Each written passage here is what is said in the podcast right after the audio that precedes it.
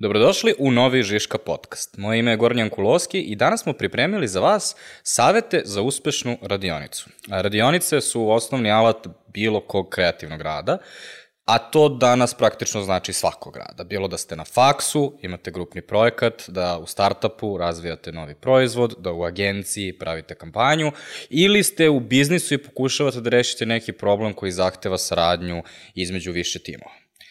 Najverovatnije već ste u životu morali da prisustujete nekoj radionici i šta se često desi? Rasulo, Javašluk i Absurdistan.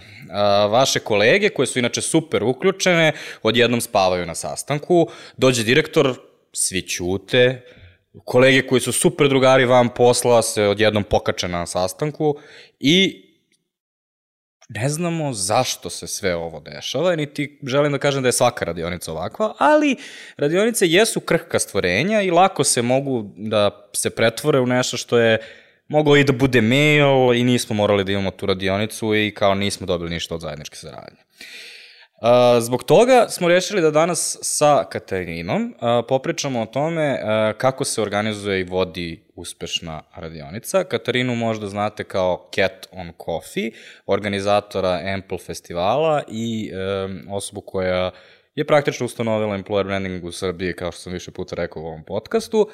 A uh, kada radite employer branding projekte, dosta radite ko-kreiranja sa klijentima i zbog toga je Katarina neko sa kim, čim smo radionicama prisustvovali i bili, um, ovaj, bilo nam je baš cool šta je radila, pa smo rešili da je dovedemo i pitamo kako to uspeva da uradi uh, i uh, da pokrademo sve fore koje možemo. Vi slušate Žiško podcast. Uh, Kačons, uh, Šta te privlači kod ove teme? Um, pa nekako kad sam krenula sve ovo da, da primjenjujem u praksi, shvatila sam da postoji mnogo toga što se dešava. Ja nekako vidim magiju na tim radionicama i uh, smatram da je nekako veliki prostor za i kreativu i za upoznavanje sa ljudima i za stvaranje nekih stvari i za stvaranje procesa. Uh, Um, a pre svega nekako je sve ovo proisteklo lično iz neke moje želje da se razvijem u toj oblasti da zapravo moderiram radionice i da uspem na neki način da izvučem maksimum iz tih ljudi koji su tu. E vidiš, ja totalno suprotno. Ti si kao u fazonu, meni je super kad sve prođe dobro, a meni je u stvari najzanimljivije zašto ovaj, kada ljudi koji su generalno jako motivisani mm. a, za svoj posao dođu na radionice i onda se sve raspadne. Mm -hmm. I mhm. toliko če, mislim, ok, ne kažem da se svaka radionica, niti da se većina radionica tako ovaj, završi, ali jako često se dešava mm -hmm. da mhm. jednostavno staviš gomilu pametnih, motivisanih ljudi u sobu I ne desi, desi se obstruk, desi se katastrofa neka ljudska i kao to je ono što me u stvari najviše privlači mm -hmm. u radionicama. Meni to baš Tako da hajde da počnemo sa time čemu uopšte služe mm -hmm. radionice. Uh, baš dok si govorio i taj tvoj uvod, meni je to nekako bilo zanimljivo zato što čak i tad kada se desi taj haos ili kada se neki članovi tima posveđaju, ja tu nekako uvek mogu da izvučem neke simpatične uvide uh, ili o prirodi posla tih ljudi ili o samom pitanju koje želimo tu da rešimo ili samom procesu, tako da stvarno zavisi od konteksta i zavisi od toga ko zapravo ima moć da moderira tu radionicu. Za, zapravo stvarno smatram da treba postoji uloga ja danas moderiram ovu radionicu i ja onda kažem koje je vreme i ako Kako smo otišli... Kako Moderator. A, ja sam čuo da se koristi facilitator. da, može i facilitator, tako je. A, šta misliš reći vođa? Pa i to je okej. Okay. Da. Sve zavisi kao kako se postavljaju ta pravila, kako cela struktura izgleda, ali hajde da ti odgovorim na pitanje. Ja nekako vidim radionice kao prostor za stvaranje i za upoznavanje. To su mi možda dve neke najvažnije uloge svih radionica. Kada je u pitanju stvaranje, to mogu da budu neki kreativni koncepti, što je verovatno najčešće u vašoj industriji. U mom slučaju mi se najviše bavimo stvaranjem procesa um, i stvaranjem nekih ideja, znači nekih novih rešenja. Ako imamo neko konkretno pitanje, neki problem koji želimo da rešimo, pa kao kako ćemo tome pristupiti. Znači negde smo orijentisani na konkretnu akciju i na rešenje, što nekako ljude stavlja u neku posebnu poziciju i mi kao narod mnogo volimo da se žalimo, da pričamo o tome šta se desilo, šta je bio naš problem. polako. Imam ja to posle u pripremi. Da. Da se mi, znači da ja sumiram cool. tvoju, uh, ono što mislim da je prva stvar i zašto mi je bilo um, zanimljivo da ti isto to zoveš radionice, ne zovu ih svi radionice. Mhm, Uh, ljudi ih zovu sastanci ili nekad ih zovu brainstorming. Da. Ove, ali mislim da je kada, ono, definicija koju si sad dala se svodi na to da mora da postoji cilj i da je u stvari cilj tog Tako sastanka je. je da se radi. Pa da, to je kao radionica. Što znači imati radionicu? Pa svaki učesnik treba nešto da radi, treba na neki način da doprinese tom procesu ili tom nekom stvaranju koje mi želimo da se desi. To su za mene radionice, postoje naravno sastanci, postoje brainstorming sesije, meni su to nekako razvojeni koncepti, ali sama radionica treba da ima za cilj da nešto isporuči, da, da ima neki outcome. Mislim da je brainstorming jedan od najvećih problema sa uh, radionicama e, iz prostog razloga što ga svi uče uh, kao neku paušalnu tehniku još u srednjoj školi, na primjer, ga zakače. I onda kada dođu u poslovni svet, onda misle da znaju kako se radi radionica. I um, jako puno problema stvara rečenica nema loših oni su teli kažu ideja, a u stvari kao ljudi su u fazonu, pa, nema loših ponašanja onda uopšte, mogu da radi šta hoću na brainstormingu. Da. Što onda kreira ovaj haos. Ali pričat ćemo o tome još uh, posle. Ovaj, ono što um, bih voleo da, kao, kako, kojim, sa kojim mindsetom neko treba da pristupi radionici. Zato što recimo Brené Brown, ovaj, koja je, s- ovaj, ima recimo ona svoje kreativne radionice, to jest svoje radionice, zove rumbles, rvanja, da bi ljudima uh, dodatno utuvila u glavu kako je poenta da dolazimo da u ono, sukobimo mišljenja i da izađemo iz toga sa nekim rešenjem. Ja nisam nešto pretarano veliki fan izmišljenja uh, tako aspirativnih reči, ali kao šta je po tebi savjet, ono, sa kojim stavom treba doći na radionicu? Uh, sad naravno zavisi kao zašto radimo radionicu, u kom je ona trenutku našeg ono, života nastala i koliko često zapravo implementiramo um, ovakve vrste susreta. Um, ono što ja mislim jeste da je jako važno da ovo postane deo neke organizacione kulture, da kažem, da nemamo sad taj moment te da imamo konkretno neke sinkove, sastanke, nego hajde ako već imamo neki problem ili ako imamo neki zadatak, da ga na kreativni način rešimo.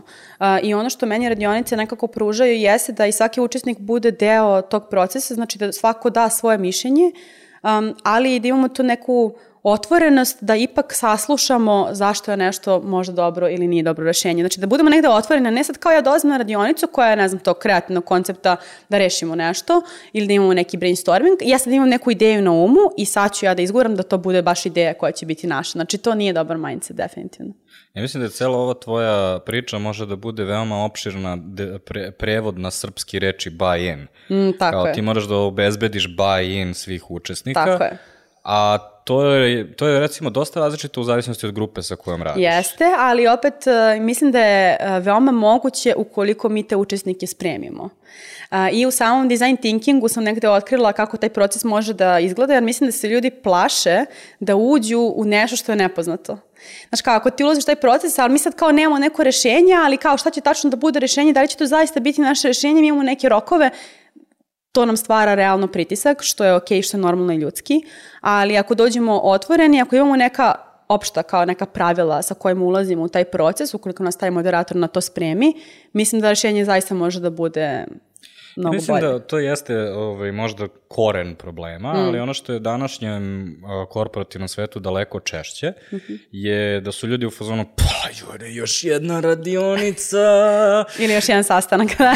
ovaj, da, a, ono, da je problem jako često koji, recimo ja kada radim radionice sa grupama koje nisu iz Žiške, a, mu, jedan od mojih prvih zadataka jeste da im, da im obećam da će ovde biti zaista nešto korisno i da će biti zaista rada i da neće proći još jedan energizer.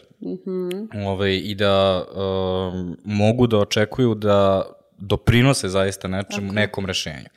Jer ono što se šta sam ja ustanovio da je češći problem, je da ljudi kada čuju reč radionica znaju aha, ovo je umesto team buildinga doveli su nas negde da nešto pojedemo jedan dan i da nešto tu iz, izdivljamo kao sa nekom idejom koju niko neće ni da sprovede. Šta ti, misliš, šta ti misliš o mom uvidu? Da, vrlo zabavno. Pa jeste, stvarno je tako i prosto tako nam je tržište. Mi još uvek nismo um, dovoljno svesni moći svih ovih formata i mislim da još uvek ne dovoljno u to da imamo ljude koji zaista to znaju da urade. Naročito ljude koji se bave sad uh, treningom i razvojem ljudi su ljudi koji jesu u tome, ali redko kada sam čula da se bave time da osnaže članove tima da mogu tako nešto da urade, znači da mogu samostalno da izvedu radionicu koja će dati vrednosti, kao da ćemo shvatiti zašto to postoji u našem procesu. Ja nekako to forsiram u radu sa svojim klijentima, zato što smatram da je jako bitno da svi zajedno budemo tu, um, da se čujemo međusobno i da kada dođemo do nekog predloga rešenja da to zaista bude nešto što smo zajedno radili, znači da, da kao negde i delimo tu odgovornost, ali da prosto uh, shvatimo gde je to u celom ovom našem procesu i zašto je važno. I da to treba da bude neka redovna praksa, znaš. Ove, uh, hajde samo da pojasnimo svaku od tih, uh -huh. to je nešto si stavila u pripremu. Uh, razmenjujemo uvide u okviru neke teme. Šta da. to znači? To znači, pričamo sada o šta su benefiti za grupu koja radi radionicu. Tako je. Tako šta je. znači razmenjujemo uvide u okviru neke teme? Evo sad smo mi baš uh, prošle nedelje imali jednu radionicu kod vas koja je opet dokazala da je ovo jedan od benefita. Um, suštinski, um, da bi se ovo desilo, mi treba da imamo neki moment kada članovi, to jest učesnici te radionice imaju neki samostalni rad, um, onda nakon toga dele svoje uvide, Um, I tek nakon toga mi dolazimo do neke prioritizacije ili do neke ideacije kao kako ćemo pristupiti nekom problemu. U tom momentu kada mi imamo taj individualni rad, uh, mi nekako slažemo svoje misli na tu temu bez uticaja ostalih članova tima. Jer kao što znamo kad radimo fokus grupe ili kad radimo neke otvorene radionice koje nemaju neku određenu strukturu, tu uglavnom postoji neko ko je glasniji, neko ko je tiši, neko ko ipak malo više progura neku svoju ideju, neki svoj uvid i onda se tu radionica završi. Ali ako imamo taj moment individualnog rada, tu negde svaki član ima vremena da, da prosto razmisli o nekoj temi i da onda podeli svoje uvide. Ti uvidi se ne tiču samo našeg trenutnog iskustva, našeg dosadašnjeg rada, gde ti kao pretpostavljaš da ti znaš šta ja mislim na tu temu ili kako je moje iskustvo. Nego ja onda tu otvaram novi prostor da pričam o tome i da kažem šta mislim na tu temu i tu se zapravo mi mnogo bolje upoznajemo um, i dajemo dubinu toj određenoj temi koju želimo da obradimo. Druga stvar koju si napisala je fokusirani smo na rešenje. Šta to znači? Pa to je upravo ovo što smo pričali u početku u smislu samog mindseta. Mi nemamo sad taj trenutak da pričamo o problemu, nego da mi na radionicu dolazimo već svesni šta je problem, šta je kontekst. Znači mi smo već na neki način spremni I sam cilj radionice jeste da isporučimo neko rešenje ili neku ideju. Znači, konkretno, naš mozak je spreman na akciju i ide u tom pravcu i to ono što je kao u vezi samog mindseta zaista sjajno. Da.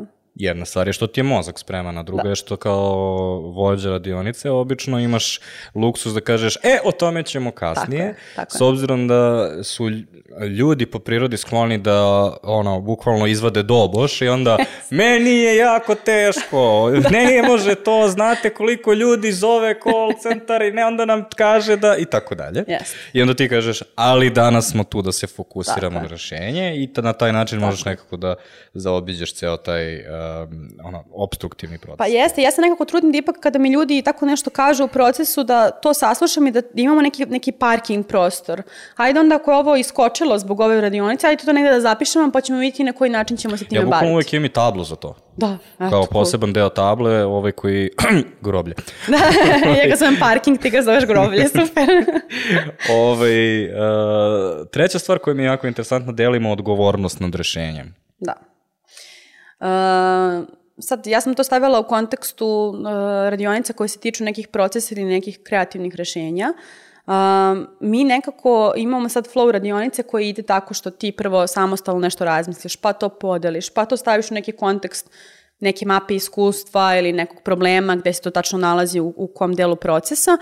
I onda nakon toga zajedno radimo neku vrstu prioritizacije gde stavljamo, ok, na neku određenu skalu da li je ovo realno da se desi ili ne, u kom trenutku, šta koji član uh, radionice misli. I onda zajedno izlazimo sa tim rešenjem kao, ok, ovo je outcome naše radionice i mi ćemo zajedno na tome raditi. Nije sad ovo moja, tvoja ili nečija ideja, nego smo zajedno na neki na način kao doprineli svemu tome. I to ono što je, što je dobro, zato što ti tu onda i svi ti stakeholderi koji se nalaze na radionici, shvataju kako smo došli do toga. Nije sad kao ja sam došla, otvorila sam prezentaciju i tebi namećem neku ideju jer ja mislim da je ona najbolja, nego si ti bio deo tog rešenja i tebi će biti mnogo jasnije na koji način to možeš da doprineseš na samoj radionici. Ja ušte ne moram nikome da objašnjavam šta je čija uloga, već ljudi to nekako shvate obzirom na to kakve odgovornosti već imaju organizacije. Mislim da je ovo pogotovo bitno za velike strukturalne projekte koji menjaju Tako firmu, gde Tako. direktori sektora obično imaju suprotstavljene interese Tako. da guraju hmm. nešto što je projekat koji su oni doneli, hmm. a, pa sad čest, često preklapanje customer experience i e-commerce, na primjer, da, kao da. da postoji dosta zajedničkog posla i onda, a ne, ne, ovo, ovo, ovo što smo mi doneli, to je bio bolji projekat, kao kad ih sve staviš u prostoriju. Just a, na taj način možeš da ovaj, ono, da, da ih natiraš da zajedno preuzmu odgovornost na celim rešenjem. Tako, tako. Um, posljedna stvar koju si rekla, imamo jasnu viziju kako je proces izgledao i šta su nam naredni koraci. Zašto uh -huh. je to mhm. bitno? Um, pa često se tu kose prioriteti, šta je prvo, drugo, treće. Ipak i ljudi koji, često kad su radionice u pitanju, to su neki izdvojeni slučajevi ili čak i ako su strateške stvari, opet ti ljudi imaju neke ongoing zadatke koje imaju da isporuče, neke odgovornosti koje su već kao tu u samom, samom biznisu. I onda se ovo neka dodatna stvar ili nešto što mi treba da menjamo, mi opet imamo neki dodatan puš oko svega toga. Ali opet na samoj radionici dobijamo jasnoću gde je to u našem koordinatnom sistemu, zaista. Znači, da li je ovo zaista prioritet, koliko ovo utiče na temu kojom se bavimo, u ovom slučaju to je često iskustvo zaposlenih ili iskustvo kandidata, pa kao mi pričamo o zaposlenim, o njihovom uh, iskustvu u kompaniji, koliko će oni biti zadovoljni, koliko će se dugo zadržati, pa naravno su ovo bitne teme.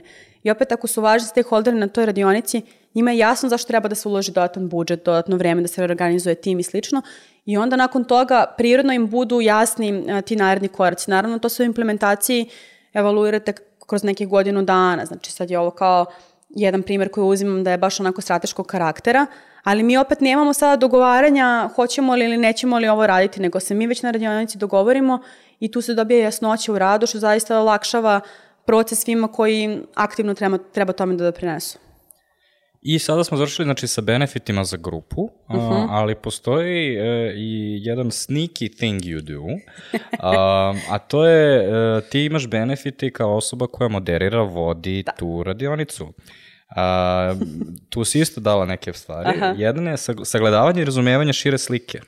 Mm, pa e, to je sad e, dosta se tiče tog mog ličnog iskustva, zašto sam ja ošto ušla u ceo ovaj uh, proces i zašto se usavršavam u ovoj oblasti. A, jeste zato što, mislim, naravno sad iz ove perspektive kada radim um, sa klijentima, koje manje ili više poznajem ili ne poznajem, prosto zavisi naravno kako su njihova iskustva, ali čak stvarno verujem da i kada radimo duže sa nekim ljudima, nama prosto uvek fali neki deo, mi nismo stigli o svemu da popričamo do sada, nam nekako radionice daju taj, tu neku širu sliku i ja mnogo bolje mogu da razumem kako ti učesnici razmišljaju. Um, konkretno kada postavimo neko pitanje ili kada imamo neki, neki korak ili kada se pojavi nešto što je izazovno ili nešto što je bolna tačka, ja tačno mogu da razumem iz neke njihove perspektive zašto je to njima bitno. I onda to mogu posle da prilagodim u bilo kom drugom koraku, ali to mi je baš onako super jer je to stvarno uh, ono, moment gde smo svi zajedno, pričamo o istoj temi, ali iz različitih perspektiva, znaš. Um, sad si malo objasnili ovaj drugi, Aha. upoznavanje ključnih stakeholdera i specifičnosti rada sa njima. Mislim, ok, sve ove stvari se uvek jest, prelivaju. Jeste, jeste. Uh, ali treća stvar koju si rekla je dolazak do novih informacija u vezi prećašnjih iskustava učesnika radionica. Jeste, da. I to se desilo, ja mislim, na svim radionicama koje sam imala prethodnih godinu dana, jer um, i ti učesnici smatraju da se, da se poznaju, što je prirodno, bez obzira na to koliko, koliko dugo sarađivali. Ali onda se nekako na radionici desi da iskoče neka iskustva u kompaniji pre tri godine, mi smo to probali, nije radilo zbog toga i toga. Ovo smo uspeli, ovo su bili naši rezultati, ovaj alat smo probali i tako dalje. To su sad sve neke specifičnosti o kojima opet na neki način mi stignemo ili ne stignemo da razgovaramo I to mi je super što onda ljudi, a, naročito ako imaju raznolika iskustva, na primjer ako je neko, ne znam, u radionici ko je junior, neko ko je senior, neko ko je, ne znam, CEO, neko ko je baš u employer brandingu ili u komunikacijama, Em što imaju različite perspektive, em što imaju ta pređašnja iskustva gde su ranije opet nešto probali što nije vezano za tu organizaciju, ali opet može mnogo energije da ti uštedi. A, a tradicionalno razmišljanje bi reklo mi ćemo sesti za sto, mi smo sad eksperti ono, za komunikacije employer branding i mi ćemo reći ovo je sad trend, ovo je super, hajde to, to da testiramo, da probamo i onda tu prođe nekih šest meseci, godinu dana, ti vidiš da ti nešto radi ili ne radi, ali kao zašto ne bi uključio te zaposlene i te ljude sa kojima to treba da radiš i ta iskustva pređašnja ili bar neki način razmišljanja ili neka korisna informacija uvek ispliva na radionici, što je meni jako moćna stvar. Stvarno mnogo, mnogo resursa se uštedi. E, ja bih rekao i ne samo to, uh -huh. nego uh, ako postoji bilo što što je informacija koju ne znaš ili informacija koja je relevantna, izuzetak koga nisi svestan, Tako je. bolje da ga obradiš na radionici i da to bude deo tvog rešenja, nego da te dočeka kasnije u implementaciji, jer dočekat će te sigurno. Jeste. Znači, mi uh, se bavimo kreativnim radom, što god da uradimo, mora da se napravi, implementira, objavi, ljudi će Da biti svesni toga, u tom trenutku to krene da privlači pažnju, kada se to desi, ljudi krenu da čapkaju i kao, ali ovo ja već dve godine znam da ne radi. Onda bolje da tu osobu imaš na vreme na radionici, da može da iznese sve i da onda drugi ljudi objasni zašto ovo nije to što on, ta osoba misli, na primjer. Jeste, da. I cijela ova ujdurma je u stvari meni jako poznata zbog toga što to što si ti rekla kako je bio nekadašnji sistem, to je u stvari način na koji su se nekada agencije postavljale. Aha. Mi smo komunikacijski stručnjaci, Mhm. a vi, gospodo Dosadnjaković iz korporacije, mrš tamo da sedite u staklenoj kancelariji. A danas preferirani mod rada jeste da, da praktično u, uvedeš sve stakeholdere, bez obzira da li je to ono samo brand manager ili ko god od klijenta zaista se osjeća odgovornim za kampanju koja će na kraju izaći, let's get everybody get in the room, Da. napravi neku vrstu modifikovanog kreativnog procesa koja će uspeti da sve ljude ipak na neki način, da svi oni budu saslušani, da na određeni način a, preuzmu odgovornost i da onda dobiju praktično buy-in u krajnje Jeste. rešenje, koje možda ono, neće osmisliti oni, možda će biti nekog, deo nekog follow-on procesa, Tako, pa onda tako. opet ćeš vratiti ljude i tako Mm. dalje.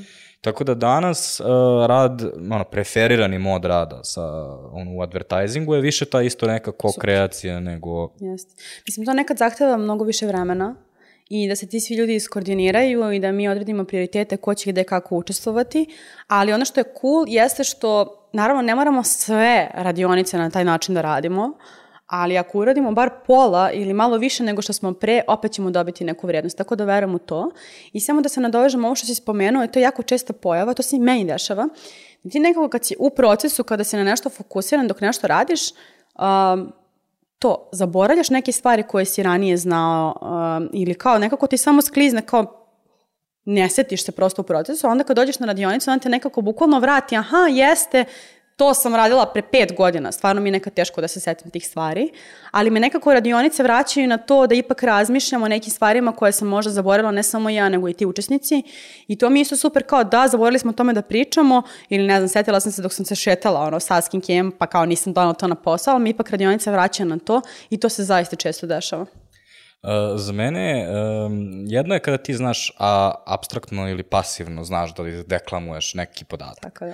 Ali kada ga vežeš za osobu koja ga je izgovorila i sad, um, ovaj, kada sam ti pričao malo pre o uh, customer servisu uh -huh. uh, i ljudima koji zovu customer service, Uh, ja i dan danas pamtim jednu radionicu od pre 10 godina gde sam bio sa jednim čovekom iz customer servisa i kad, a, razlog zašto se ja, ono, ja se sećam tačno šta je on rekao i sećam se njegovog straha uh -huh. u očima, gde on nije u fazonu, ne želim ja da va na vašem sajtu bude kontakt forma, Aha. nego ne razumete, ja se bojim za sobstveni život. Mm. I kao, nekako, jedno je da imaš informaciju, a drugo je kada tu informaciju oboji neka osoba a, na način koji tebi daje i meta informacija, odnosno koliko je bitna ta informacija, koliko je hitna, koliko ne smeš to da uradiš. Mm. Um, sad smo završili sa dobrim stranama radionice. Uh, im, loše strane radionice, ima samo jedna. Ja sam je zapisao kao ljudi su pakao. A praktično sve što ćemo raditi uh, u, od sada, odnosno sva pitanja koje ću ti postaviti je praktično kako um, kako pokušavaš kao neko ko vodi radionicu da izbegneš činjenicu da su ljudi pakao i da ih oslobodiš da budu nešto malo bolje. Ove, prva stvar koju želim da te pitam je kako biraš grupu. Kako biraš grupu koja će učestvovati na radionici? Um, da, opet ovaj čaraban odgovor zavisi. Stvarno zavisi od toga na čemu konkretno radimo. Uh, često kada su te neke strateške radionice u pitanju, tu mora da se nađe neko iz menadžmenta, često to bude neko ko vodi kompaniju. Naravno bude neko ko će biti zadužen za implementaciju ili ko će bar voditi tim koji će to raditi. Uh, ali ono što je meni cilj uglavnom jeste da okupim ljude koji imaju raznolika iskustva. I što su oni, uh, da kažem, više različiti, to je vrednost e, radionice mnogo veća. Iako često, jako često bude problem da se oni dogovore, e, često bude problem da se nešto shvati zaista koliko je eforta potrebno da se nešto desi i tako dalje. Ali samim tim da neko treba da argumentuje zašto je potrebno određeno vreme ili novac da se neka ideja desi, opet se dešava to da se oni mnogo bolje upoznaju, da se mnogo bolje razumeju. Tako da čak i kada je teško, to je onda opet super stvar, jer ja nekako smatram da je to dugoročno mnogo dobro za njih. Tako da uglavnom gledam da to bude miks ili ako radimo nešto što konkretno na primjer u vezi same implementacije, ne znam, ono, ajde da smišljamo kako će izgledati karir stranica, ono na sajtu, Uh, tu uglavnom uh, gledam da, da mi budu ljudi koji se stvarno razumeju u to ili koji imaju neku određenu ekspertizu, a da su opet raznoliki. Naprimjer, neko ko je, ne znam, iz HR-a, razume širu sliku i sam proces, neko ko je, ne znam, copywriter može da kaže ja možemo ovako ili neko ko je baš kreativac. Tako da gledam da mi oni budu što, što više različiti učesnici. To može da bude opasno razmišljanje. Dobro. A, zbog toga što a, ako postaviš kao jedini kriterijum perspektive koje mogu da donesu različiti ljudi, tačno je da različiti ljudi donese različite perspektive, međutim onda dolaziš do a, radionica sa 25 ljudi koji izgledaju kao Dobro, da, a, kongres komunističke partije Kine, gde onda ljudi izađu i kao ja imam ideju! Ne, ne, koji je maksimalan broj ljudi koji kao... Pa meni je idealno 6-7 ljudi, to mi je onako baš super. Uh, I opet, uh, čak i ako ih bude više, tu kad kreće radionica moraju da se postave neka pravila. Znači kao, radionica traje ovoliko, danas nam je cilj to, ja, moja uloga je ta. Uh, poslije ću vam dodatna podpitanja, prekidat ću vas. Znači ja bukvalno ljudima kažem ono, ground rules na početku, tako da onda oni znaju sa čim dolaze. Um, I moja je odgovornost da se ta radionica na neki način uh, desi ili se ne desi. Čak i ako se nešto ne desi, meni je i to ok, zato što prosto to što kažeš kao ljudi su ljudi i oni imaju različite raspoloženje tog dana i različite probleme, uh, muke na umu, tako da ja to sve nekako trudim se da osluškujem, ali uh, verujem da i sve što ljudi donesu na radionicu može da bude jako vredno. Samo je opet jako bitno šta, šta mi sa tim radimo. Jel mi puštamo da se ljudi ono raspričaju, da se posvađaju, što je takođe smatram skroz ok.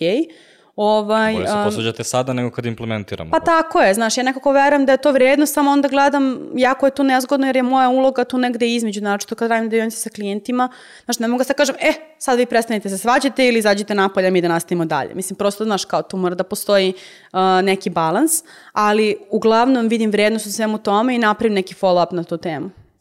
Ove, a takođe ono što ljudi nikada ne razmišljaju, uvek možeš da razdvojiš radionice. Tako. Kao, jel ti trebaju, ono, ok, treba ti 12 ljudi, ali ne treba ti sigurno da svih 12 da, da, da, da budu kraj, da, Da, ceo o krajnjem rešenju.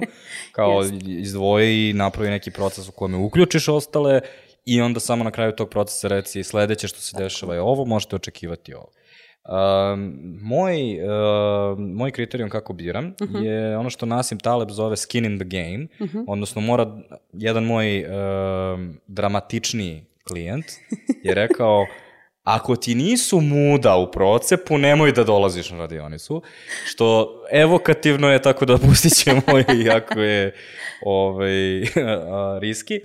ovaj, mislim da je to do, dobar kriterijum, kao ljudi koji, e, pričali smo o tome i na početku, kao delimo odgovornost za rešenje. Ako ćeš preuzeti odgovornost za krajnje rešenje, onda dolaziš na radionicu. Ako ćeš biti neko ko je dopisni član, kontrolor ili neko ko je kao, aha, sad je sve udrilo, sad, sad se napravio problem i onda ti dođeš i sa strane kao, kako ste to uradili? Pa, kao, znači, Da. ono, odluči, To in or out, pre Tako je. rešenja. Tako je. Um, I tu poseban problem uh, prave direktori. Tako. uh, zbog toga što direktori jako često nemaju, nemaju vremena da se posvete celoj radionici, ali, Ali na kraju da dana znaju imaju sve. moć da ovaj, sve um, ono, povuku, promene i tako dalje. Mm. Um, u sprintu postoji posebna uloga za njih, Mhm. zove se The Decider, što bi rekao George Bush, a, osoba koja odlučuje. Uh, I onda osoba koja odlučuje uh, ne mora da bude u celom sprintu koji je ono, organizovan na nedelju dana, Mhm. ali ta osoba mora da bude u ključnim delovima sprinta i mora da aminuje krajnje rešenje Mhm. i da je uh, da kao ima buy-in i postoji uh, primjer u knjizi nekog direktora koji je bio u fazonu, "A baš su se lepo potrudili, Mhm. ali ne verujem u to. I onda za šest meseci su shvatili da je zbog toga što on nije verovao u to, onda su ga implementirali nekako na pola snage Aha, i zbog toga na kraju nije ni bilo ništa od toga. Znači Jeste. kao ako ti se ne dopada, onda reci bolje Tako da se ne dopada odmah. Mm. A, kao šta, šta misliš o tome kao modelu uključivanja na ljudi koji ono, nemaju vremena, ali su u suštini decision making? Uh, pa to je čest slučaj kod mene na, na mojim projektima. Um, ja nekako smatram da je ta uloga jako važna, zato što često ti ljudi imaju tu neku kao i realnu perspektivu i biznis perspektivu u smislu stvarno imaju na umu gomilu nekih stvari o kojima moraju da vode računa. Um, s druge strane imaju neke strahove uh, o kojima možda ljudi koji su bili na radionici nisu razmišljali. Uh, često je to vezano za financije, što je skroz ok za neku održivost biznisa. Um, jako je važno na koji način komuniciramo sa tim stakeholderom uh, i na koji način toj osobi argumentujemo šta se dešavalo u procesu. Ja smatram da ta osoba treba da bude maksimalno uključena koliko god je realno, ali da opet treba da imamo, na primjer, ako ja vodim proces, ako ja moderiram sve te radionice, uh, da znam tačno na koji način i u kom trenutku toj osobi treba da dam informaciju.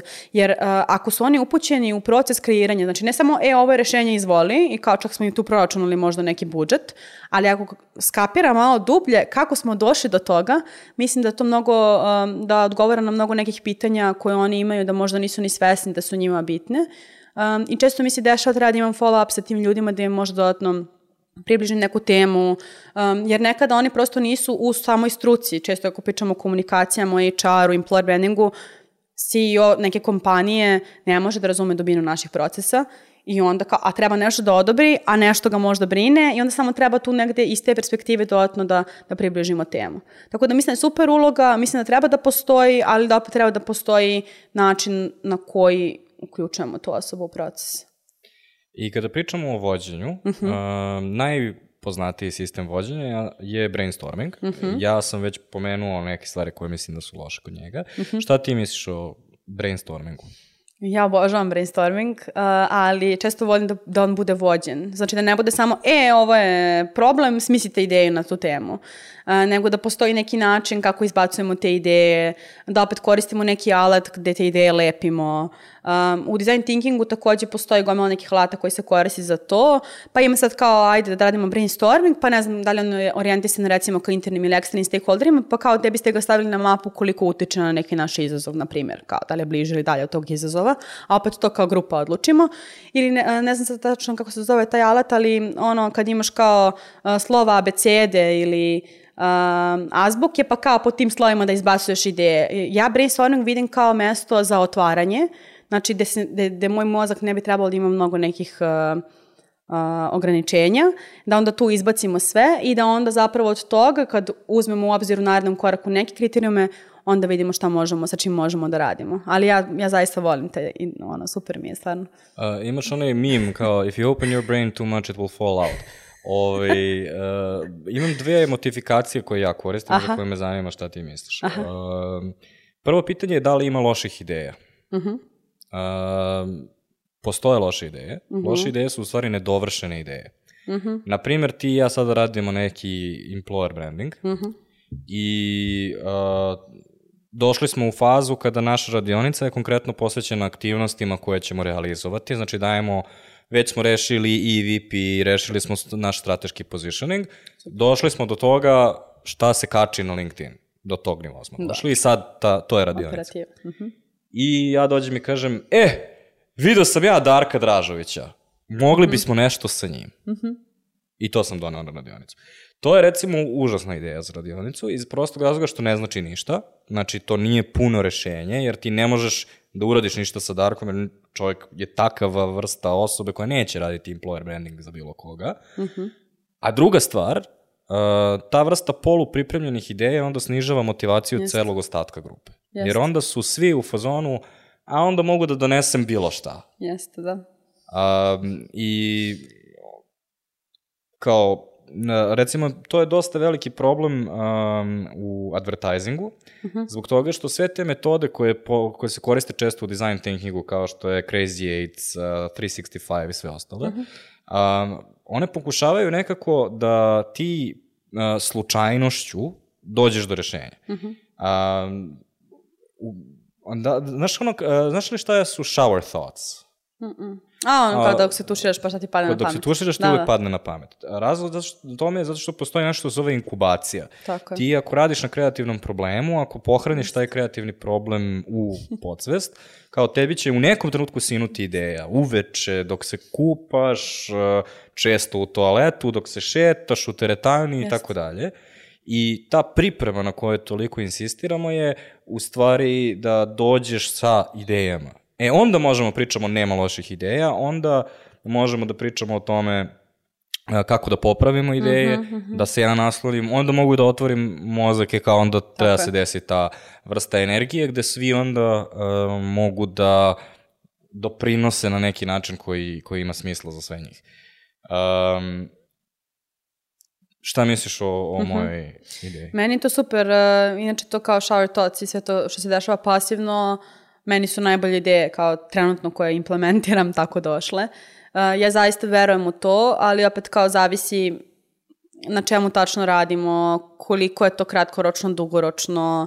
Uh, ja, na primjer, evo sad za Ample kada radimo, ja imam jedan period godine kad samo o tome razmišljam. Znači, meni samo ideje na, u vezi tog projekta padaju na pamet, ja sam nekako skroz u tome, baš sam duboko u tome.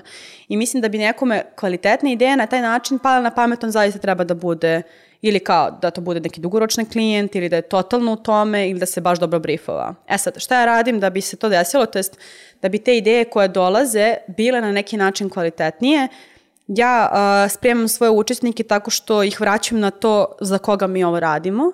Znači mi onda imamo one persone, njihove empati mape, koje nam daju neku dubinu njihove perspektive, jer se mi trudimo da za njih stvaramo. Znači, ne stvaram ja šta je meni super i simpatično, što bi ja volala da vidim na LinkedInu, nego šta su nam ti ljudi rekli da su njihovi problemi, šta njih zanima, kako oni donose odluku da li žele da, da rade za tog poslodavca ili ne, ili koja im je možda bolna tačka, ono kao brinem se u toku ovaj, cele pandemije da li ću moći da bezbedim sve za svoju porodicu, na primjer. To su onda neke teme iz kojih mi zapravo stvaramo te ideje. Tako da se ja stalno vraćam na tu perspektivu da li je ovo našim talentima bitno, da li je ovo njima zanimljivo, je li tebi zanimljivo ili njima zanimljivo. Tako da postoje neki alati da ih malo samo usmerimo, da ne bude samo, e, želim dron koji će da mi spusti CV ovaj, kao aplikaciju. A, pazi, slažemo se oboje, a slaže se i Luka Božović iz Plum Consultinga kad smo postavili, aha. e, kad smo postavili LinkedIn, o- on se javio i kaže posle 10 godina iskustva mislim da je najvažnije da se upoznaju učesnici kako bi se sadržaj prilagodio njihovom znanju i iskustvu. Bez toga nikakve metode i tehnike neće dati rezultate. Dakle, priprema, priprema i priprema. Da, ovo je verovatno bilo u vezi edukativne radionice. Da. Ali sad pitanje za svo troje. A, šta radiš kad se ljudi ne spreme za radionicu? Odnosno, dođe čovjek sa očnopanim briefom i kao, ali ja nisam pročitao, jel mogu sada? Šta uradiš u tom trenutku? E, pa ja uvek planiram zapravo za svaku radionicu vreme da se to sve još jednom pročita. Znaš, e, i gledam da taj brief bude kratak. To je za nas često ta persona i EVP na koji se vraćamo, tako da nije to nešto mnogo obimno. A, kad su edukativne radionice u pitanju, ne radim nikakvu pripremu. Znači, bukvalno samo u fazonu dođite pa ćemo vidjeti. Nekako dosta, dosta se prilagođavam učesnicima. Um, ili ako je nešto baš bitno da urade, pošaljem im bukvalno u mailu, dajem im nekoliko opcija šta mogu da urade i uvek ostavim vreme na radionici da se to prođe. Znači, makar Da, pola sata. bio na obe vrste tvojih radionica, da edukativna radionica je definitivno nešto malo drugačije Mm. i mislim da postoji edukativna vrednost u tom direktnom radu kroz radioničarski pristup, Mm. ali u trenucima kada radimo na rešenju nekog problema u biznisu, Da, to je jako važno. A, ja sam obično sklon tome da ovaj, pustim da se to desi, onda odvučem posle tu osobu na stranu Da. i budem u fazonu zove se radionica zato što ovde radimo. Ti sad nisi Tako uradio svoj posao. Nisi Tako došao si nepripremljen na sastanak, to nije, ovo nije nice to have. Mi se ne igramo. Mm. Tako ti tako sada ne radiš svoj posao. Da li ti je to jasno? I da li ti je jasno da kada ti to uradiš da onda svi ostali nemaju nikakav Tako incentiv da oni doprinesu. Jeste. Znači, sledeći put dođi mega pripremljen i ono, ovaj, please doprinesi kao energiji grup. Mm. I kad smo već nabuli energiju grupe, um, šta misliš o energizerima, icebreakerima, odnosno onim uh, vežbicama koje se rade na početku? Mm, pa ja generalno volim e, da ih implementiram i smatram da su jako važne, ali da ne treba da se rade na pamet. Uh, I kad sam prolazila tu edukaciju za facilitatore u design thinkingu, mi smo prošli sve to i u online okruženju i još smo imali ljude koji su nas minirali. Uh, I prošla sam ono, bukvalno najbolje i najmoguće scenarije na toj edukaciji, ali mi je zaista bilo zanimljivo jer smo stvarno uspeli na neki način da, da to provežbamo i da se povežemo kao grupa, obzirom da smo svi bili remote, pa nam je to bilo jako teško. Uh, ja energizere uh, primenjujem kada procenim da je potrebno. I to uglavnom stvarno u odnosu na to kako se ekipa koja je tu osjeća, kakav nam je dan, kakav je meni dan, prosto meni se nekad nešto ne radi i neću tu raditi na silu da bi to samo odradila. Tako da se ne bavim toliko tom nekom kao formom koliko volim da ispratim ekipu i da onda nekako tu taj energizer meni pomogne da bolje nastavimo dalje i da se nekako malo bolje upoznamo.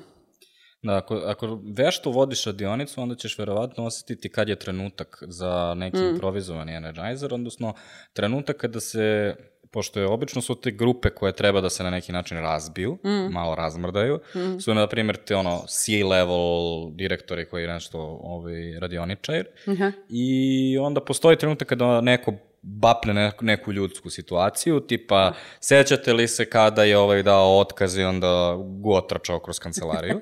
to je trenutak kada kao neko ko vodi radionicu treba da ono, nekako to podeliš pod grupom, da svi daju neku vrstu Jeste. inputa, da, ono, da ih pustiš da, se, da tada prodišu, što je ono pravi energizer, a mislim da ljudi kada, kada su sa ovim opštim energizerima, odnosno ovo što smo Da, svi da, navikli, da su nekako u fazonu ono kolutanje očima i ovaj, i mislim da ono stavlja ljude u pogrešan mindset, uh -huh. jer uh, ono, počinjemo nekom igricom, mi smo odrasli ljudi, došli smo ovde da se igramo, kao, to je deo istine. Deo istine jeste kao u dobre, na dobre radionici došli smo uh -huh. da budemo otvorenog uma, ali takođe i da radimo. Uh -huh.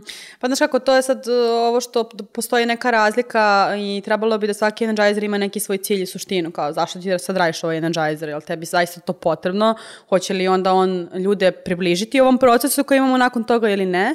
Tako da onda tu imamo neku razliku između energizera i mindsetera. Mindseteri su kao isto neke vrste vežbica koje podižu energiju u ekipi, ali im i usmeravaju um na to što mi treba konkretno da radimo. A energizeri su po mom mišljenju više vezani konkretno stvarno za energiju ekipe i kao hajde da nam bude lakše da nastavimo posle ove pauze za ručak koja nas je ono razvalila. Da, graveyard shift, pauza Da. za ručak. Drugi problem koji imam sa, sa energizerima je, um, pričali smo o tome šta, šta je problem sa metodologijama, ali uh -huh. dobra stvar je kada metodologije ti objasne zašto imaju neki alat, odnosno zašto je nešto postavljeno na određen način. Da. I recimo u sprintu uh, postoji pravilo da nijedna radionica ne počinje pre 10, a to je zato što ljudi dolaze u 9, potroše 15 minuta da se išćaskaju i da popiju kafu, a kad kažemo 15 minuta, mislimo realno pola sata, a onda otvore mailove i u slučaju da im ne Već daš da ono, pogledaju svoje mailove, a, izgubio si celu grupu za ceo dan, jer svi će biti mm. anksiozni kod toga šta ih čeka tamo, znači moraš da ih pustiš da to završe, da očiste to mm. i nikada nemoj da završavaš u pet ili ne daj Bože ono, do šest da radimo, Gas. zato što ljudi će posle toga morati Tako. opet da pokupe mailove i da na neki način odreaguju. A Energizer uh Mhm. -huh. je uvek u 9.30 zbog toga što popili ste kaficu, ajde sada malo da se energizujemo. Kao to je još jedan razlog zašto me nerviraju. Mi, Da. a, sledeće pitanje, želiš li jednostavno ili komplikovano? Komplikovano, definitivno, da, da se to sve snimi na vreme. Trolovi. Ove, izvojio sam četiri vrste trolova koje su meni ove, poznate, koji troluju svaku Sjajno. radionicu. I e, prva vrsta trola je ništa ne može. Na šta god da krenete, a nema šanse to, da to nema para, za ovo, da ovo nema ovoga, to smo već probali, to nikad neće poleteti i tako dalje. Da. Šta radiš sa takvim ljudima? Ja obožavam takve ljude i uh, kada vidim da, da imam takve neke komentare, ja sam u fazonu, jes, ova radionica će biti još uspešnija, ovaj, što ne znači da će meni biti lakše da je izvedem do kraja uh, i definitivno radim na tome da se razvijam kao osoba koja može da uh, moderira razne vrste sesije, pa između ostalog i te koje imaju ljude koji malo miniraju. Um, ja verujem da sve to što ti ljudi pričaju treba na neki način da se uzme u obzir uh, i da treba da postoji neki način na koji mi skladištimo sve te stvari koje oni nama pričaju, jer uh, često verujem da su to ljudi koji dolaze sa dobrom namerom na tu radionicu uh, i da ili zbog nekog straha ili zbog neke dodatne brige koje imaju ili nekog pređašnjeg iskustva imaju potrebu da to iskažu, samo to izgleda tako kako izgleda. Um, kada su u pitanju ti neki eksterni slučajevi, naravno zavisi to koliko sam ja bliska sa tim učesnicima, kakav je klijent, na čemu tačno radimo, imamo li, nemamo li vremena da o tome prediskutujemo. Ove, čak sam nekad i u stanju da da zamolim tu osobu da a, ili te neke stvari zapiše ili da prosto napusti radionicu ako smatra da neke stvari ne mogu. Zato što a, ljudi koji često blokiraju taj neki proces, stvarno njihova energija ume da utiče i na ostale, tako da je to loše, mi na radionici to ne želimo ali nekako u samoj pripremi uh, gledam da je ljude i otvorim za to što nam sledi, a i da probam ja sama da se pripremim ukoliko znam unapred da će ti članovi, ne, neki član ovaj, učesnik radionice biti osoba koja dolazi, koja ima takve, takva ponašanja od ranije, na primjer. Da, znaš da će sigurno, ono, možda računaš da će bar na trećini radionica te zakači jedna. Pa jeste, da, uvek, uvek postoji to, dešava se. A, dob, ovaj, dobra stvar je da uvek imaš pripremljeno unapred, pošto imaš zid na kome lepiš papiriće, uvek postoji deo koji se zove Tako je. parking. Da. I na tu onda kao te ideje koje ćemo, ono, ok, kao razmislit ćemo o ovome. Tako. Za mene je taj parking dobar ne samo zbog toga što zaista ti omogućava da kao skloniš nešto, Mhm. nego zbog toga što uh, ne, ne možeš te ljude da skloniš bez toga da ih saslušaš, jer obično Tako su very passionate. Mm. Ali takođe kada krenu da pričaju, ti oset, bukvalno osetiš u prostoriji Mhm. da li ta osoba stalno to radi. Da. Jer postoji neki kolektivni muk koji ga jedan dao da kao, Jeste, zna se. E, i onda meni taj uh, papirić u parkingu mm -hmm. um, ovaj, često stoji kao opomena u smislu kao, hoćemo opet ovo? Ovo je opet onaj kao što si obećao da, da je jako bitan i niko se drugi nije vratio do kraja na to. To, Da. to, to ćemo, sigurno si. Ove, tako da a, imaš taj neki ono, način kako da ono, sa impostovanjem malo ipak skreneš radionicu od njih. Jeste, da, i e, samo da se nadovežem, palo mi je na pamet, e, često ljudi koji imaju neku vrstu problema u vezi bilo kog procesa, a, sad zavisi od situacije, ali žele ili ne žele da budu deo rešenja. Sad ako ti to ostaviš negde na, na stranu, opet vraćaš ljude koji su učesnici radionice na pravila i cilj te radionice danas, a, ako želimo time da se pozabavimo dalje, nama opet treba neko ko će time da se pozabavi. I mislim da je preuzimanje odgovornosti, to jest usmeravanje, da ta osoba koja zapravo ima problem s nečim, preuzme odgovornost da se to zaista reši i opet jedan zdrav pristup uh, ljudima koji stvarno imaju očigledno naš neke strahove, neka loša pređašnja iskustva. Troll broj 2. Dobro, slušam. Ovo je glupo. Znači, osoba koja ne, pri, ne žele da radi radionicu, a nikada to ne kaže eksplicitno, mm -hmm. ali implicitno svojim ponašanjem svima daje grupi do znanja da misli da je ovo glupo. A, konstantno se šali, konstantno se smejulji, konstantno baca fore, ne učestvuje u a, ovaj, idejama a, i kao ima sarkastične komentare tipa "Pff, da, sigurno će to. I tako slične Yes. stvari. Šta radiš sa tom osobom? Um, pa da, opet, e, opet stvarno zavisi od grupe, ali ono što je meni tu simpatično jeste što od toga opet može da se napravi uh, prostor da, da se nekako malo opustimo, znači da napravimo od toga ili neku šalu ili da opet ozbiljnije porazgovaramo o tome. Ono što ja želim uh, od svih svojih učesnika jeste da gradimo neku zdravu argumentaciju. Zato što ako je zaista to nešto što ta osoba, ra- kao čemu ta osoba razmišlja, ja želim da čujem zašto. Znači, hajde onda mi argumentuje, ali kao u minut, nećemo da pričamo sad o tome 25 minuta da idemo levo desno oko svake ideje i e, koji su zapravo kriterijumi za nastavak daljeg rada. Znači, ako postoje neki objektivni kriterijumi koji su spremljeni, tipa, ne znam, kod nas je često, e, kad je u pitanju employee candidate experience, koje nam je vreme, slash novac ili energija potrebno da nešto uradimo na jednoj skali, na drugoj skali koji je uticaj na iskustvo zaposlenih. Ok, ako se to nalazi negde gde god na skali, zašto? Ako misliš da je nemoguće, zašto? Hajde daj mi onda malo više uvide, tako da ja te ljude zapravo puštam da možda malo više pokaže o čemu razmišljaju, jer to opet može da donese neku vrednost. Ove, meni je ova osoba uh, potencijalno katastrofalna za ceo proces. Jeste. I uh, zbog toga sam sklon tome da, uh, kao ja moram da odreagujem kada vidim tako nešto. Uh, ali jedan kako? je, Da. pa jedan je da kao, ono, sve, ov, sve mere Mhm. moguće je na neki suptilan način usmeriti ljude, ali kada pričamo o trolovima, to su ljudi koji ne reaguju na takve stimulanse.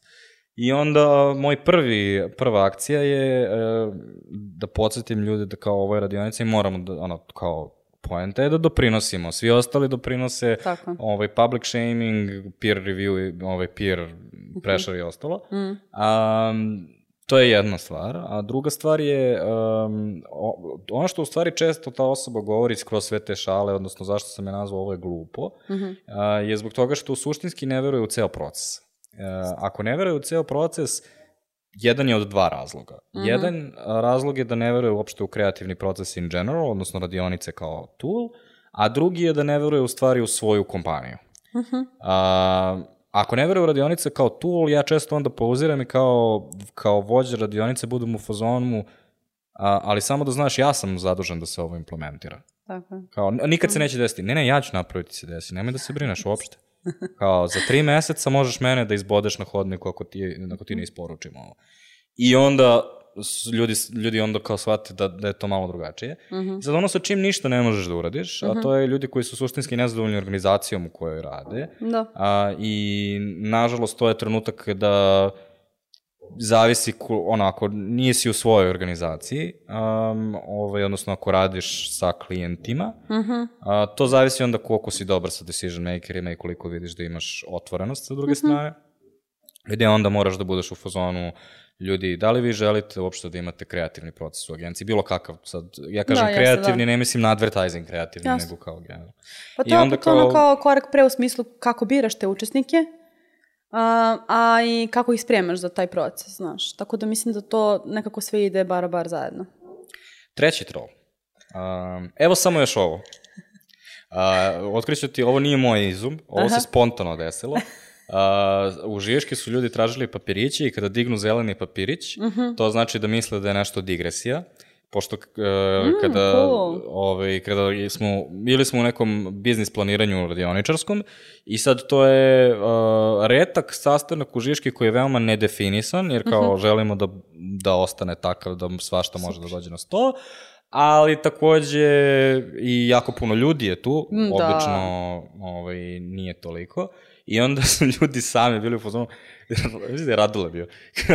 ja kad digneš zeleno, ja mislim da je ovo digresija. Ako digne još Jeste. tri osobe, ti moraš da prestaneš da pričaš. Jeste, to ali šta radiš sa osobama koje su, e samo još, e, ali, ali, ali veruj mi, ali ne, ili kad im kažeš, ali to ne radimo danas. Ne, verujte mi, ovo ima veze. I onda nastaviš pet minuta i ti si u fazonu, nema Moraš da imaš neko vreme kao koje puštaš. Ako se to stvarno iznova iznova dešava, ok, pustit ću te 2-3 minuta, ali neću te pustiti 10, prosto nekoliko puta moram da prekinem, pa čak i to bilo ako je neprijatno, prekinut ću šta da se radi. Uh, ta vrsta pristupa sa zelenim papirićem je meni super. Uh, I mislim da naročito to kao iz IT sveta, svi njihovi sprintevi, uh, planiranja, retrospektive, sve te prakse u IT-u mislim da mogu jako lepo da se preslikaju na naš svet. Na tome ću raditi u narednih nekoliko meseci, saznite uskoro. Ali meni se to mnogo dopada, čak i organizaciji u kojoj sam volontirala, mi smo imali lopticu s kojom se dobacujemo, kad neko ima lopticu, samo taj priča. The Znači kao- Talking Cube. Da, i to mi je baš cool, ja mnogo volim te stvari, ali um, mislim da nekako i ljude sa kojima radimo, naročito vi kao ekipa kad radite zajedno, mislim da treba da ih osnažimo da kada prirodno osete kao što je to Radule osetio, da zapravo sami stvaramo neka nova pravila sa kojima ćemo raditi, jer zaista cilj radionice mora da bude zajednički. I kao ako njega nemamo na umu, čak i ako se napiše na zidu, ako će nama zbog toga biti lako da to iznesemo, mislim da je to skroz cool. Četvrti troll. tangenta čovek. Um, uh, daću ti primjer iz employer brandinga koji, se, koji je najlakši način da ga petardiraš, a to je, ma pusti employer branding, šta sa employer experience-om, odnosno, džabe nama što imamo najbolji employer branding dok mi nemamo dobar management. I onda se radionica raspadne. Kako sa tim ljudima? A, meni je to, mislim, to mi je slično ovom prvom i drugom profilu. Um, prosto ljudi su ljudi i ljudi dolaze, danas je, možda on pre te radionice imao jedan jedan sastanak sa nekim ko mu otvorio dušu i rekao evo šta sve ne valja. Naravno da ćemo o tome da razmišljamo i meni je to super znak, naročito ako pričamo o iskustvu zaposlenih ako pričamo o nekim problemima koji su interno u kompanijama. Um, I to je nešto što je meni izuzetno važno. Ja nekako biram da sa tim ljudima naknadno porazgovaram o tome, da vidim šta ja mogu da uradim da im pomognem u tome ili da im dam prosto neke savete kako sa time. Um, ono što sad konkretno ja baš i radim na projektima koji su takvi, gde mi pričamo o tome kako ćemo sad to da napredimo. Um, posle kada se priča konkretno o samoj komunikaciji, mislim da treba jasno da se razvoji šta je cilj toga, gde je mesto za to, ali da naročito ovakve teme ne treba da se, da se, da se izostave, tako da to je opet slično kao, ok, to je neka vrsta parkinga gde ja stvarno posvetim mnogo, mnogo pažnje tome, naročito ako neko ima konkretno kao, e, evo šta me brine, evo šta, o čemu bi trebalo pre da pričamo. I to je skroz okej. Okay. Da, to je trenutak kada ono, moraš da kao budeš time management i u fazonu. Tako je. Ali ono što je jako bitno je koliko se vratiš na to zaista posla. Yes. Jer u suprotnom gubiš tu osobu na narednoj radionici i onda... Tako je. Ove, ja, ja često čak pokušam nekako na brzaka, ako su ti sprintevi, ono, mm -hmm. pa je ono, ne, 3-4 dana smo nešto radimo zajedno, da pokušavam da čak odreagujem već taj prvi dan, da ne bi izgubio tu osobu drugog dana. Just. I mislim da često daje i dobar boost. Uh -huh. Pa dobro, a i neke stvari nisu naše da rešavamo kao neko ko je u tom ekosistemu ko treba da podržavamo. Mi možemo da damo savjeti da kažemo ok, ovo će uticati na ovo što mi radimo, hajde da nam to bude prioritet, ali kako će se nekim temama pristupiti, često to i nije a, naše. Ne, ja samo mislim na to da izvestiš osobu koja bi trebalo da je nadležna za rešava a, to, jasno, jasno. da ova osoba koja ti na radionici vidi da si ti odreagovao. Tako na, je. Na to mislim. Okay, to što okay, će cool. biti... Jasno, jasno. To je sad već stvar menadžmenta, ne možeš radionicom rešiti. Mm, si, si. Uh, sve. Promeniti sve. Lakše pitanje koje si ovaj, zaobišla je šta koristiš od rekvizita na radionicu? Um, mnogo zavisi da li je ta radionica uživo, online ili hibridna. Ne Red, aj počnemo uživo. počnemo od lakših stvari. Um, pa imam ono najjednostavnije alate koje ima svaka kancelarija kao što su ne znam flipchart, sticky notovi, sve što može fizički da se uh, pomeri, zalepi i slično. Ono što volim da koristim na edukativnim radionicama su Dixit kartice. I to su kartice koje baš onako otvaraju i baš su kreativne, a opet mogu da se iskoriste zapravo na bilo kojoj radionici koju sam radila i ljudi su baš super odreagovali na to. Um, tako da možda to je trenutno što koristim. Pored toga sad testiram neke isto kartice za moderiranje nekih kreativnih procesa, ali još uvek uh, nisam baš probala onako na terenu. Jesi ikad koristila one satove kojima curi vreme, one iz printa? Uh, jesam, ali to se koristi, mislim, najčešće sa design thinking ekipom. Uh, to se često koristi kada oni opet treba ne, neki deo procesa da završe, te radionice su kompleksne, traju dva dana i onda ako bismo mi sve puštali da tako proklizi vreme, mi ništa ne bismo radili. Uh, a to su uglavnom edukativne radionice gde je bitno da oni bar nešto urade, pa je onda to vreme baš krucijalno. U samom radu sa klijentima to ne radim, zato što smatram da ako se na nekoj temi malo duže zadržimo, sigurno postoji razlog zašto je to tako. Tako da sa klijentima ne, ali na edukativnim radionicama da. Da, ali jedna od stvari koja osoba koja vodi radionicu je ona konstantno anonsuje vreme. Mm -hmm. Ti si stalno u fazonu, a, samo da vam kažem, imamo još 20 minuta, ne da vas požurujem, ali požuri! To je možda fin način da nekome kaže da treba bude koncizan kada iznosi neke stvari ili kada nečemu priča. Da, ovaj, i to je, ali recimo to smo mi, uh, ja i dalje ne, ovaj, uh mhm. -huh. ne mogu to da implementiram nikako, odnosno mhm. ljudi mi nikad ne veruju. Uh -huh. um, onda recimo kažem i probio si vreme, imaš još 3 minuta, ali onda ono, ostalo je 30 slajdova i onda trči kroz slajdove i onda niko, niko ni ne Nema sluša, on ne zna šta, šta priča i tako dalje. Mm. I onda ne mogu nikako da kažem ljudima, ono, ne možeš da ih izvrtiš sve, mm -hmm. samo onda ono, ugasi prezentaciju. I sad, uh, prezentacije na, mm -hmm. na radionicama. Uh, Jeff Bezos je čuven po tome što je, to jest čuveno je uh, zabranio prezentacije na sastancima da. u Amazonu. A, prezentacije imaju jako loše reputacije, ovaj, gore nego Energizer, ja bih rekao. Mm -hmm. ovaj, šta ti misliš o prezentacijama na radionicama? Mm, ja mislim da su one jako korisne, naročito ako želimo nešto da dokumentujemo u smislu, sad ne želim da se ljudi bave time da će zapisati sve što ja pričam, no, kao ne stižemo, ne, nego kao ljudi opustite se, ovde se nalazi sve što malo treba, ovde imate dodatne linkove za istraživanje, dobit ćete ovo nakon radionice, kao take it easy, aj sad pričamo o tome šta to za nas znači. Prosto ne volim da gubim energiju na to. Uh, nisam bila na radionici koje je vodio Jeff Bezos ili neko od njegovih, tako da ne znam kako to izgleda u praksi. Uh, kapiram da ima, da ima smisla kada želiš da se ljudi fokusiraju na to što konkretno treba da rade, Znači to nije, to verovatno nije edukativno, nego je stvarno ono stvaralački. Tako da mislim da ima smisla u nekim slučajevima, ali ja volim da imam slajdove da mogu bar to da pošaljem naknadno da ljudi mogu da istraže. Ove, um, za mene, uh, pogotovo u istraživanju, uh -huh. uh, trenutak kada prezentujemo svi istraživanje, to je ono neki rani trenutak uh -huh. radionice, su izuzetno korisne, zbog toga što Dobre, možeš preko celog televizora ljudima da prikažeš sliku. Kao, to je jako imerzivno iskustvo.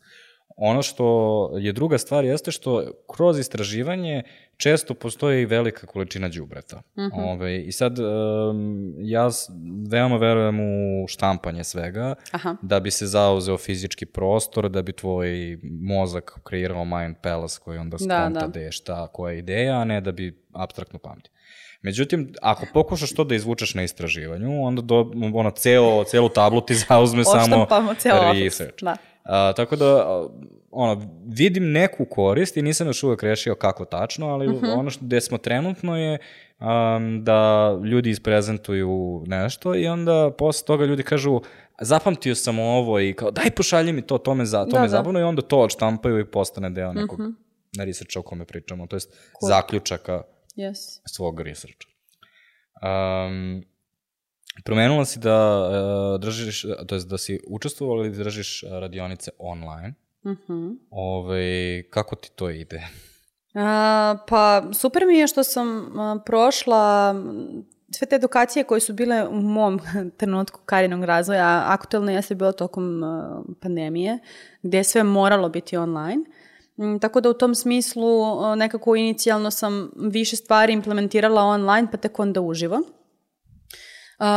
Meni su online radionice zanimljive zato što su na neki dodatan način izazovne, jer ti, ako su ljudi znači, prikačeni preko svog laptopa, kompjutera, čega god, postoji velika verovatnoća da će njima iskakati neke, neki mailovi, neke poruke, tako da ti tu onda stvarno moraš da pratiš i gde gledaju i koliko često komentarišu, koliko su aktivni, znači tu svašta nešto mora se prati. Uh, Koristim neke alate koji mi uh, pomažu u moderiranju takvih radionica i sad tu zavisi naravno um, od potreba ekipe i toga što radimo, ali to su često alati kao što su Mural ili Miro uh, board, gde imamo gomilu nekih templata gde možemo da upravljamo i vremenom, u smislu kao imaš timer, pustiš vreme, sad za ovo imamo veliko vremena, ljudi su svesni toga, pratiš bukvalno kretanje ljudi po tim mapama, tako da vidim tačno ako mi neko zabode, ono, minut je na jednom mestu, verovatno nešto drugo radi. Pa onda, hej, kao Gorane, si tu, kao šta misliš o tome, treba neka pomoć.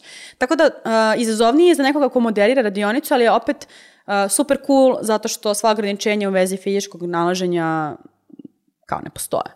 I to mi je baš super ako treba da uključimo neke ljudi iz različitih lokacija ili opet ako neko stvarno ne može da bude tu, zašto bismo kao čekali dan kada ćemo se svi okupiti kada je sad to sve u online-u um, totalno moguće. Baš zavisi. Um, recimo, ja uglavnom radim kreativne radionice, odnosno uh mhm. -huh. uglavnom kreiramo komunikacije, kampanje, um, aktivnosti komunikacijske i tako dalje. Um, te radionice jako puno zavise od energije ljudi koji su u sobi i uh, kada recimo praviš pokušavaš da napraviš reklamu koja treba bude smešna. Ako, se, mhm. -huh. ako niko ne padne na pod od smejanja, neće biti smešna reklama. Kao, ne, ne možeš ti da napišeš posle scenariju, ako taj trenutak kada neko smisli ideju ne bude da cela radionica umre od smeha, mm -hmm. to znači da ili ga imaš tada ili ga nemaš. Mm -hmm.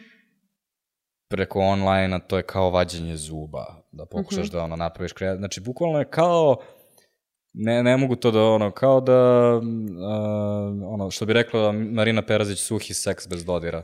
Znači, uh, pokušavaš da napraviš hemiju, a da. ne, nema ni, ono, sve, sve ti je ono nekako oduzeto. Mm. Tako da nisam, ono, mislim, postoji taj drugi, ono, postoji radioni, ono, način da a, radiš edukacije kroz radionice, postoje da, da. radionice koje nisu obavezno ono, kreativni rad i tako dalje.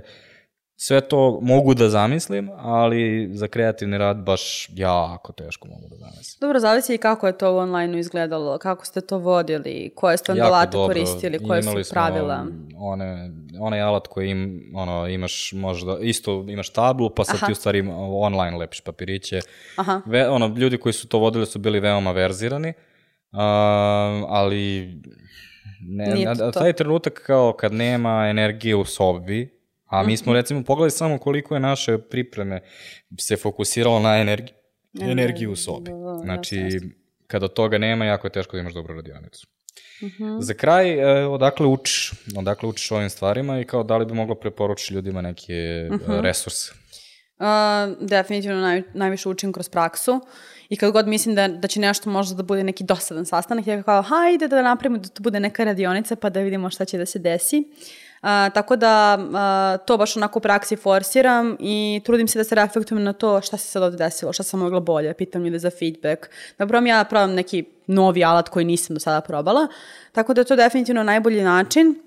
Design thinking kao sama metodologija, svet, sve iz toga je ono moja topla preporuka zato što mi je uh, ta ekipa i ta metodologija omogućava da neke stvari malo strukturira. Znači da ne moram baš o svemu iznova od nule da razmišljam. Uh, postoje neka dva newslettera na koje sam subscribe-ovana i to sam zapisala da ne bi slučajno zaboravila uh, kako se tačno zovu. Uh, jedna je Tips for Trainers, uh, David Gibson. Uh, on recimo šalje Mislim, kao sam newsletter je baš cool. Ja hoću da istražim neke kurseve koje ima, još uvijek nisam probala, ali kao sam newsletter je meni doneo već dovoljno vrednosti. E, tako da eto, to je cool stvar. I Trainer's Toolbox od Mirne, e, jedna moja prijateljica je bila čak i na njenoj edukaciji za trenere. Um, tako da ona je baš bila zadovoljna, ja još uvijek nisam probala, ali ona je isto osoba koja se baš bavi time kao da edukuje trenere, to jest ljude koji bi trebalo da ili edukuju druge ili da moderiraju neke procese. Um, tako da eto, to je moja preporuka. Hvala ti puno ovaj, što si istražila temu, hvala ti puno što si izdržala. Inače, uh, napolju je 37 stepeni i ovde je zaista pakleno, ovaj, tako da uh, puno ti hvala što si izdržala ovaj, uh, snimanje. A vi ako ste došli od ovde, onda želimo da čujemo više o tome šta vi mislite o ovom podcastu. A, pozivam vas da u YouTube komentarima napišete kako vam se dopala ova epizoda, da li biste volili da obradimo neku temu u budućnosti, da nam predložite goste koje bismo mogli da, da pozovemo. A, ja gledam komentare skoro svakodnevno i a, sigurno ću a, odgovoriti. A ako nas pratite na audio platformama, poseban pozdrav za Spotify koji je sada ubedljivo najveći. Mm, Ćao. Ove, um, ako imate negde tamo da nas reviewujete, vi nas reviewujete, ove, please. ove, a, ali bitnije od toga, ove, ako nas slušate um, ili gledate redovno, ove, ne morate da čekate novu nedelju, da izađe nova epizoda, već bolje, e, ne samo sa našim podcastom, nego bilo kojim drugim, pronađite teme koje vas interesuju, pošto ove stvari o kojima mi pričamo ne zastarevaju. A, tako da, ako vas interesuje nešto slično ovome, imate epizodu 89 gde Miloš i ja pričamo o kreativnom radu, a ako vam je bilo super sa Kaćonsi, onda imate epizodu 37 gde kao mala bijeba priča o tome kako employer branding radi. Ali dobro, to je bilo početak, kao yes. tada je niko živ nije pričao o employer da, brandingu još uvek. Da. A inače, pre skoro dve godine. Mm. E, hvala vam, a, želim vam do slušanja, pošto podcaste niko ne gleda, i odek da nađem neku novu žrtvu da prepremi neku narednu temu. Vi slušate Žiško